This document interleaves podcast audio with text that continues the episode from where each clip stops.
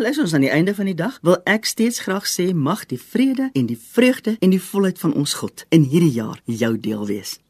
En so op die drempel van 'n nuwe jaar kan 'n mens te gelyk opgewonde maar ook huiwerig voel. 365 dae vol moontlikhede, geleenthede wat mens liefs nie wil opmos nie. As mens so daaroor dink, besef jy dat 'n goeie porsie wysheid nou handig te pas sou gekom het. En net hier het ek vir jou baie goeie nuus.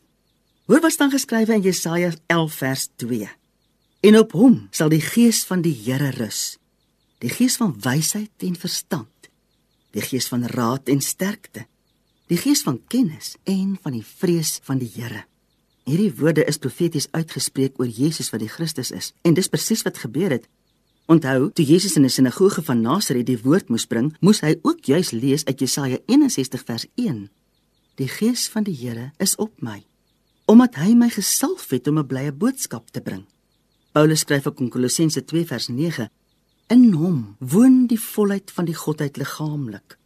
Hier aan die begin van 2020 kan ons vir geen beter begeleier vra as jy's Jesus wat die Christus is, die seun van die God wat aan die kruis gesterf het om ons vry te maak van elke vorm van oordeel.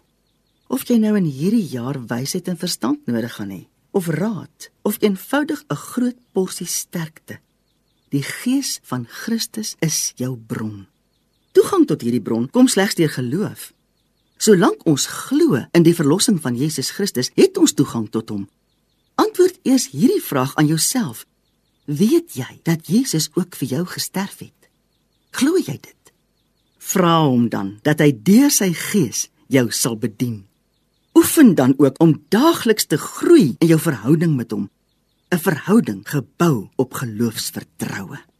Jesus Christus, ek glo dat U ook vir my gesterf het. Vul my met u gees. Rus my toe vir hierdie jaar vir alles wat op my wag. Ek vra dit in u naam. Amen.